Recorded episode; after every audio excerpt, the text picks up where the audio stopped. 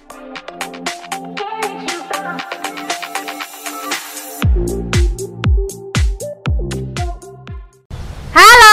kembali lagi bersama kami di podcast kanal DKM bersama saya Ismaya Priska Kumala dan narasumber hari ini Saya yaitu Fatul. Mas Fatul H Panata Praja. Waduh, Tapsul. Selamat datang Mas Fatul. Tata. Gimana kabarnya? Alhamdulillah baik. Baik. Enak. Cuacanya cerah. Alhamdulillah kesehatan juga negatif. Maksudnya negatif COVID ya Mas ya? ini ini lagi dingin ya Mas ya? Enggak juga ya Mas? Ini sedang. Sedang ya Sedang. Mas ya? Malang lagi sedang-sedang Sedang. dinginnya. Sedang. Sedang nggak tahu ya. Sedang apa. Oh, DKM sedang apa? ya? TKM sedang menanti SK. Mas, terima kasih atas kedatangannya hari ini telah menjadi narasumber. Kali ini kita akan membahas tentang wow, buku tulisannya Mas Fatul sendiri loh. Ini berjudul Al Mu'allaqat. Iya Mas, bener bacanya Mas. Iya. Al Mu'allaqat itu ain apa bukan sih Mas? Kalau anu ain, Oh ain ya Mas ya. Al Mu'allaqat, estetika, kritik seni dan kapital bahasa. Mas bisa diceritain dos dong maksud buku ini tuh apa sih? buku ini sebenarnya adalah tesis saya. Wah. terus saya dokumentasikan begitu kan karena saya merasa dulu waktu S1 kan hilang skripsi saya itu tidak tahu rimbanya ya mungkin di fakultas atau apa terus jadi onggokan-onggokan begitu kan nah waktu S2 ini saya rasa saya perlu menyimpan ya mendokumentasikan untuk kepentingan pribadi atau setidaknya saya menghargai eh, sesuatu yang pernah saya kerjakan begitu akhirnya Iya. saya dokumentasikan. Ini sebenarnya dokumentasi dari tesis saya. Gitu. Oh iya, ini membahas tentang estetika, kritik seni dan kapital bahasa. Estetika itu kalau kemarin-kemarin ya Mas ya, saya itu udah pernah mewawancari narasumber. Ada Bu Santi, ada Bu Kus, Bu Kus Dariman, Dariman itu Oh, Ibu Sastra, Kusniati ya. Kusniati Darima, Dariman ya kalau nggak salah. Guru. Dan iya, Bu Guru Bahasa Indonesia. Dan hampir semua orang menganggap estetika itu artinya tentang keindahan. Tapi kalau Mas Fatul sendiri itu mengartikan estetika itu apa Mas? ya estetika itu sebenarnya kan filsafat seni ya itu muncul kan eh, abad 18 ya 1700 berapa itu dari Baumgarten itu Eh, tulisan pertama tentang estetika itu ya menganalisis sebuah eh, batang tubuh puisi begitu jadi awal mulanya dari kajian filosofis begitu kan akhirnya menjadi masuk jadi cabangnya filsafat namanya filsafat seni Filsafat hanya seni. estetika. Jadi kalau saya kuliah itu ada mata kuliah pilihan gitu kan. Pilihannya apa? Pilihannya kuliah apa enggak gitu. Pilihannya apa? Filsafat hukum, filsafat seni, atau Wow. filsafat apa begitu. Saya ambil waktu itu konsentrasi filsafat ini, filsafat seni.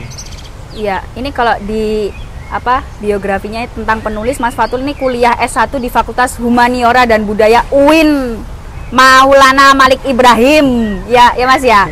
Untuk S2-nya filsafat di Sekolah Tinggi Filsafat STF Widya Sasana Malang. Aduh, filsafat itu itu serumit apa sih, Mas? Filsafat itu enggak rumit sebenarnya. Nggak rumit. Enggak rumit.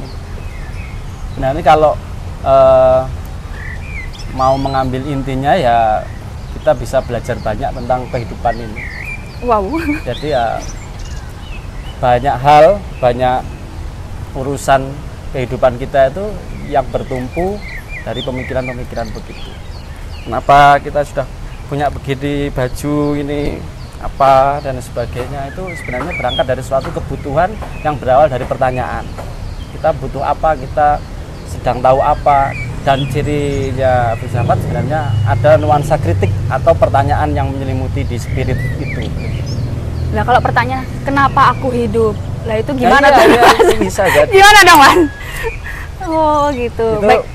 sampai tanya kenapa sampai hidup Iya. itu penjelasannya nanti kan banyak Oh, iya. dari aspek apa gitu kan kalau dulu kan ada namanya kosmologi ya tentang alam ini oh ternyata yang hidup itu bukan hanya saya ada tumbuhan ada hewan kalau di khazanah Jawa kita itu ada namanya pelikan batu-batuan sesuatu yang padat-padat ini sudah dahulu ada kemudian ada tumbuhan ada hewan Hmm. ada manusia oh ternyata kita itu anak ragil begitu kan Iya. Kita punya kakak namanya hewan, namanya tumbuhan, namanya batu dan sebagainya. Tergantung kita mengambil mengambil dari sudut pandang mana begitu. Berarti seni itu nggak hanya tentang keindahan saja, estetika saja ya Mas ya, tapi makna dari puisi sendiri atau makna dari seni itu sendiri itu apa kayak gitu ya Mas ya? Kalau Iya. dihubungkan antara seni dengan filsafat itu sendiri Mas. Ya, jadi kalau dihubungkan ya sangat terhubung. Di mana ada objek materi, di mana ada pemikiran yang kita mau subkan ke situ kan. Oh ini ada sesuatu, kita berpikir ini bagaimana cara memikirkannya ini, gitu kan. Makanya kalau di estetika kan banyak apa ya, banyak cabang kesenian yang dimasuki itu. Jadi dari filsafat gitu kan. Semenyenangkan apa sih Mas belajar filsafat itu? Pernah bikin sampai pusing gitu nggak sih? eh saya malah merasa kalau dalam dunia pemikiran itu kan kita bisa menjadi seseorang yang melihat sesuatu itu sangat manis ya, sangat enak, sangat wah kaya sekali gitu kan. Tapi kalau di ruang begini itu kita kadang antar orang punya pemikiran yang berbeda itu kan Iya. benturannya sudah langsung kelihatan ya. Tapi kalau dalam ruang eh, pikiran kita itu kita bisa mendalami dari sesuatu yang mungkin kita belum tahu, mencari tahu, dan itu kan membutuhkan ruang-ruang yang saya kira eh, lebih kepada diri masing-masing ya. Kalau ketemu orang lain mungkin nanti, wah ngapain sih harus dipikir gitu kan? Mau buang sampah aja kita harus mikir gitu kan? Ini kalau kita buang ke tong Iya. sampah itu, itu nanti jadi apa kira-kira itu? Masih bermanfaat atau tidak? Atau Iya. kita buang aja ke belakang sini, ternyata kena orang gitu kan? Mau kena orang, ini apa nanti efeknya? Ah, Macam-macam lah nanti ada efek ekologi, lingkungan, kemudian banyak hal lah. Jadi saya rasa enak aja sih. Enak aja ya Enak Mas. aja. Berpikir itu enak aja kalau kata Mas Mas Fatullah. mas, kritik seni. Kenapa kritik apa seni itu harus dikritik Mas? Eh, sebenarnya estetika kritik seni kapital bahasa itu sebenarnya Iya. kritik seninya itu saya ngambil dari spiritnya tokoh ini kan saya pakai tokoh ya studi tokoh yang untuk membaca objeknya itu dia dia mengkritik tokoh-tokoh sebelumnya tentang seni yang dipahami oleh orang-orang sebelumnya begitu jadi antar filsuf itu kan antar pemikir itu kan punya pandangan yang berbeda-beda nah kritik seni yang dimaksud di situ mengkritik seni eh, mengkritik pandangan seni dari tokoh-tokoh sebelumnya begitu Mas. jadi eh, lebih sederhananya bukan seni itu kita kritik tapi pandangan-pandangan kesenian sebelumnya atau filsafat seni atau estetika sebelum tokoh-tokoh ini karena setiap abad itu kan ada tokoh-tokoh yang apa ya membincangkan sesuatu yang yang juga yang dibincangkan adalah seni itu sendiri dan itu jadi jadi salah satu bidang filsafat namanya filsafat seni kan estetika Seni. Tapi semisal Mas ada pertunjukan, suatu pertunjukan entah itu teater, entah itu seni rupa atau mungkin musik, tari dan sebagainya ya Mas ya. Itu akan bagus nggak semisal pernah penampilan itu tuh dikritik gitu Mas? Baik Ya, atau tidak? baik dong. Biar ada check and balance gitu kan. Nah, kita kita ada sesuatu hal ini. Oh kita harus ada yang menyangga. Yang menyangga adalah orang yang punya pandangan yang punya konsistensi untuk memikirkan. Kalau tidak kalau tidak ada penyeimbangnya itu kan rusak gitu kan. Kayak Hmm. pemerintah itu kan harus ada penyeimba- penyeimbangnya kan jadi semua itu yang berlebihan kan tidak baik. Misalkan us kita pentas-pentas sendiri us tidak ada yang menulis eh, kritiknya ulasan kemudian eh, memberikan sumbangan. Yang penting kan sumbangannya toh bukan bukan pementasan kita dokumentasi tapi sumbangan setelah itu apa. Apakah ada yang kurang ada oh ini ada temuan dan sebagainya. Nanti kan terus berkembang. Agar peristiwa itu kan tidak mandek. Apa itu eh, pertunjukan-pertunjukan itu kan adalah peristiwa kan? Peristiwa Iya. yang ada di hadapan kita. Tanpa misalkan teater tanpa ada penonton ya bagaimana pertunjukan itu bisa memberikan keseimbangan? Atau kalau memang pertunjukan itu memuat pesan pesannya untuk siapa? Gitu kan? Hmm. jadi ya tentang kemanusiaan itu memang perlu seperti itu. Ada penyeimbang. Harus ada penyeimbang ya mas. Supaya karya-karya itu tadi ya juga mengalami peningkatan ya mas ya selalu ada perbaharuan dan tidak asal pentas aja gitu ya mas ya Ya, itu- memiliki makna gitu mas itu itu teman-teman bisa di cabang seni yang lain bisa membicarakan itu ya bagaimana Iya. eh, teater seni rupa berproses atau memunculkan sebuah peristiwa. Mas kalau Mas sendiri ini, ini kalau ini kan yang paham mungkin hanya orang seni saja atau seniman. Lalu bagaimana dengan tanggapan orang yang maaf awam gitu tentang filsafat dan seni itu gimana Mas untuk penyederhanaan kalimatnya itu Mas? Kita itu harus memahami seni dan filsafat itu seperti apa sih Mas? Gitu.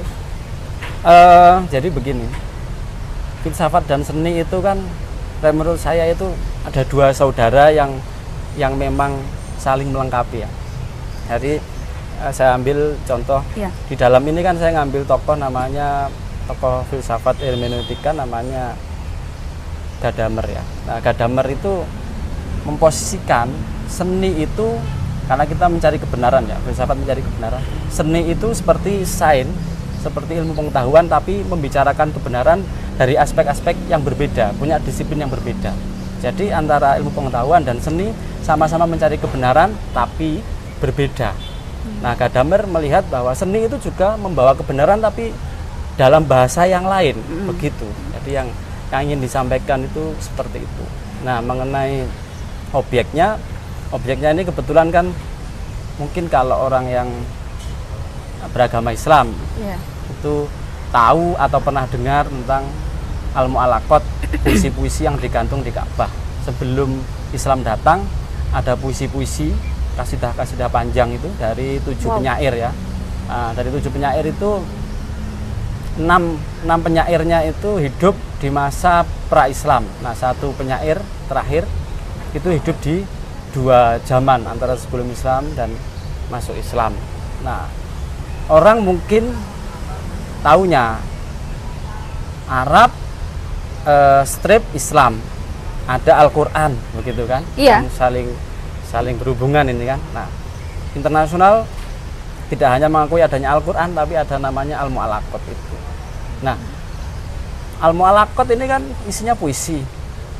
Nah Al-Quran punya kekuatan-kekuatan sastra di situ. Mungkin mungkin ya. Kalau saya melihat adanya Al-Quran ini juga sebuah eh, bukti nyata bahwa di khazanah Arab terutama ya itu punya kekuatan yang ada dua gitu kan. Mu'alakot dan Al-Quran. Nah kalau eh, mu'alakot sendiri itu kan banyak yang tidak mendalami mungkin ya karena mungkin merasa tidak begitu berhubungan. Tapi menurut saya ada hubungan yang nyata di mana kalau Al-Quran itu ada satu surat yang kalau bahasa Qurannya itu nama suratnya As-Su'ara As-Su'ara itu artinya penyair atau para penyair. Nah di situ disebutkan khusus itu penyair itu posisinya begini begini begini dan memang betul di zaman al mualakot ada itu penyair itu disebut sebagai raja intelektual.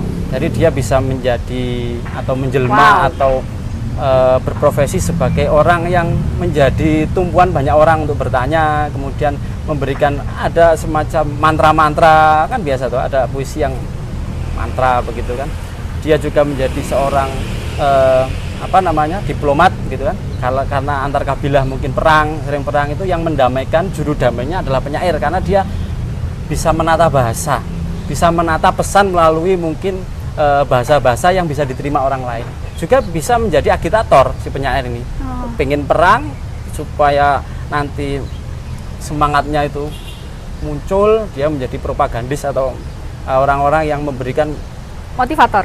Ya bukan motivator ya. Bukan. sesuatu yang membangkitkan sesuatu eh, para apa ya anggota kabilah atau suku untuk berperang itu kan memberikan memberikan suatu nyawa pada pesan-pesannya begitu. Jadi semacam itu. Pentingnya penyair pentingnya sastra pentingnya dalam khazanah kebudayaan itu seperti itu. Jadi singkatnya ini ada satu objek dari eh, khazanah Arab kemudian kita pakai kacamata mungkin yang berbeda zaman gitu.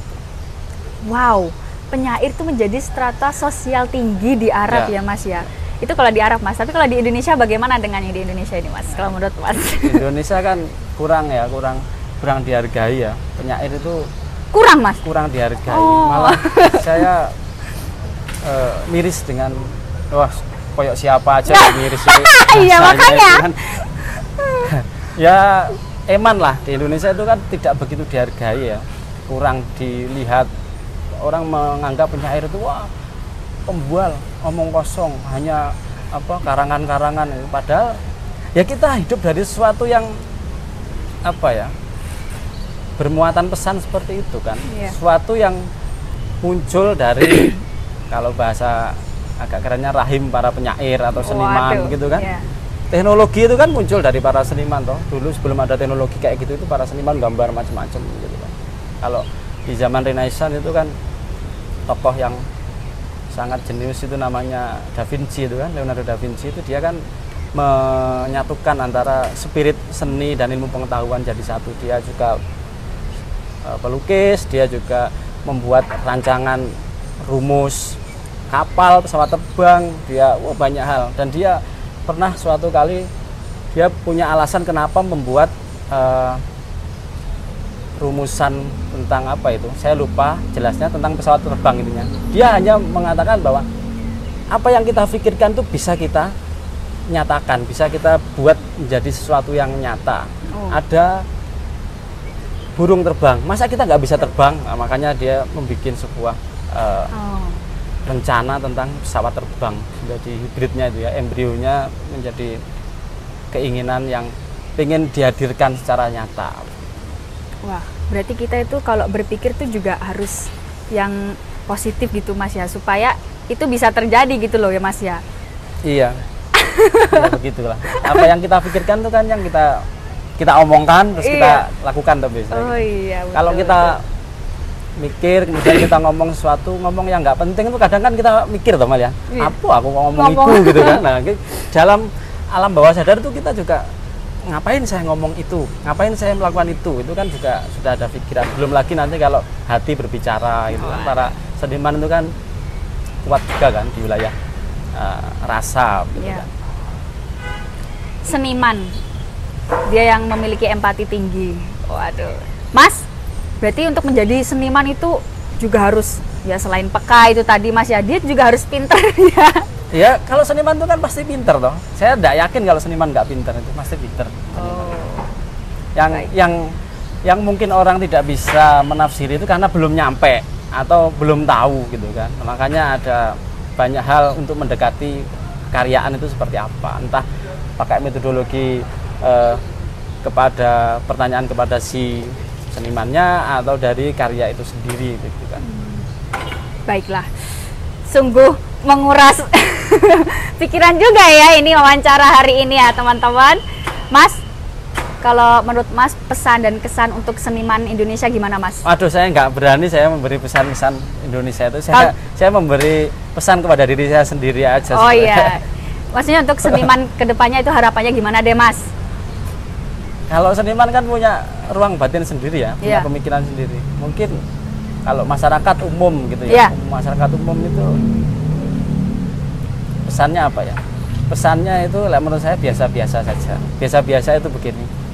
Kalau eh, dia itu profesinya mengajar ya sudah mengajar sebaik mungkin. Kalau dia profesinya petani ya sebaik mungkin jadi petani. Kalau dia mungkin profesinya sebagai seniman ya berkarya seni sebaik mungkin. Jangan tumpang tindih begitu. Kalau tumpang tindih itu nanti kan kadang bukan ahlinya itu kan malah merusak. Kalau kita bangun rumah, oh, kita bukan ahli bangunan, kita bukan orang teknik sipil atau teknik arsitek, mungkin bisa jadi, tapi perlu konsultasi ke banyak eh, orang yang menguasai itu kan. Sama juga dengan sesuatu kalau kita bertindak, bertutur, mungkin memberikan keputusan, ya saya harap dilibatkan orang-orang yang punya kompetensi di wilayah itu. Gitu. Atau kalau kita nggak tahu, mungkin kita sebelum komentar cari tahu dulu. Gitu. Iya. Menurut saya itu sih itu eh, yang penting untuk diri diri kita sebagai manusia biasa ya. Saya kira begitu. Wah, sangat berbobot sekali Kayak wawancara kali pengajian ini. ya, pengajian. iya, saya berasa di ngaji-ngajiin. Nah, padahal nggak nggak dari Allah, Ustaz, nggak- Allah. nggak nggak ada ayat sucinya sama sekali. Ada tadi Arab-Arabnya dikit mas. Mana nggak ada. oh nggak ada ya? Eh, tapi ini kan ayat-ayat Tuhan toh, alam ini kan. Oh aduh, masya Allah, sangat estetika sekali. Baik, terima kasih ya Mas Fatul atas wawancaranya hari ini. Semoga Mas Fatul dan keluarga, anak-anaknya sehat selalu, Amin amin amin. terhindar dari COVID. Amin. Amin. Semoga cita-citanya terkabulkan, harapannya terkabulkan juga. Amin. Terima kasih ya teman-teman atas waktunya. Sampai bertemu lagi. Dadah.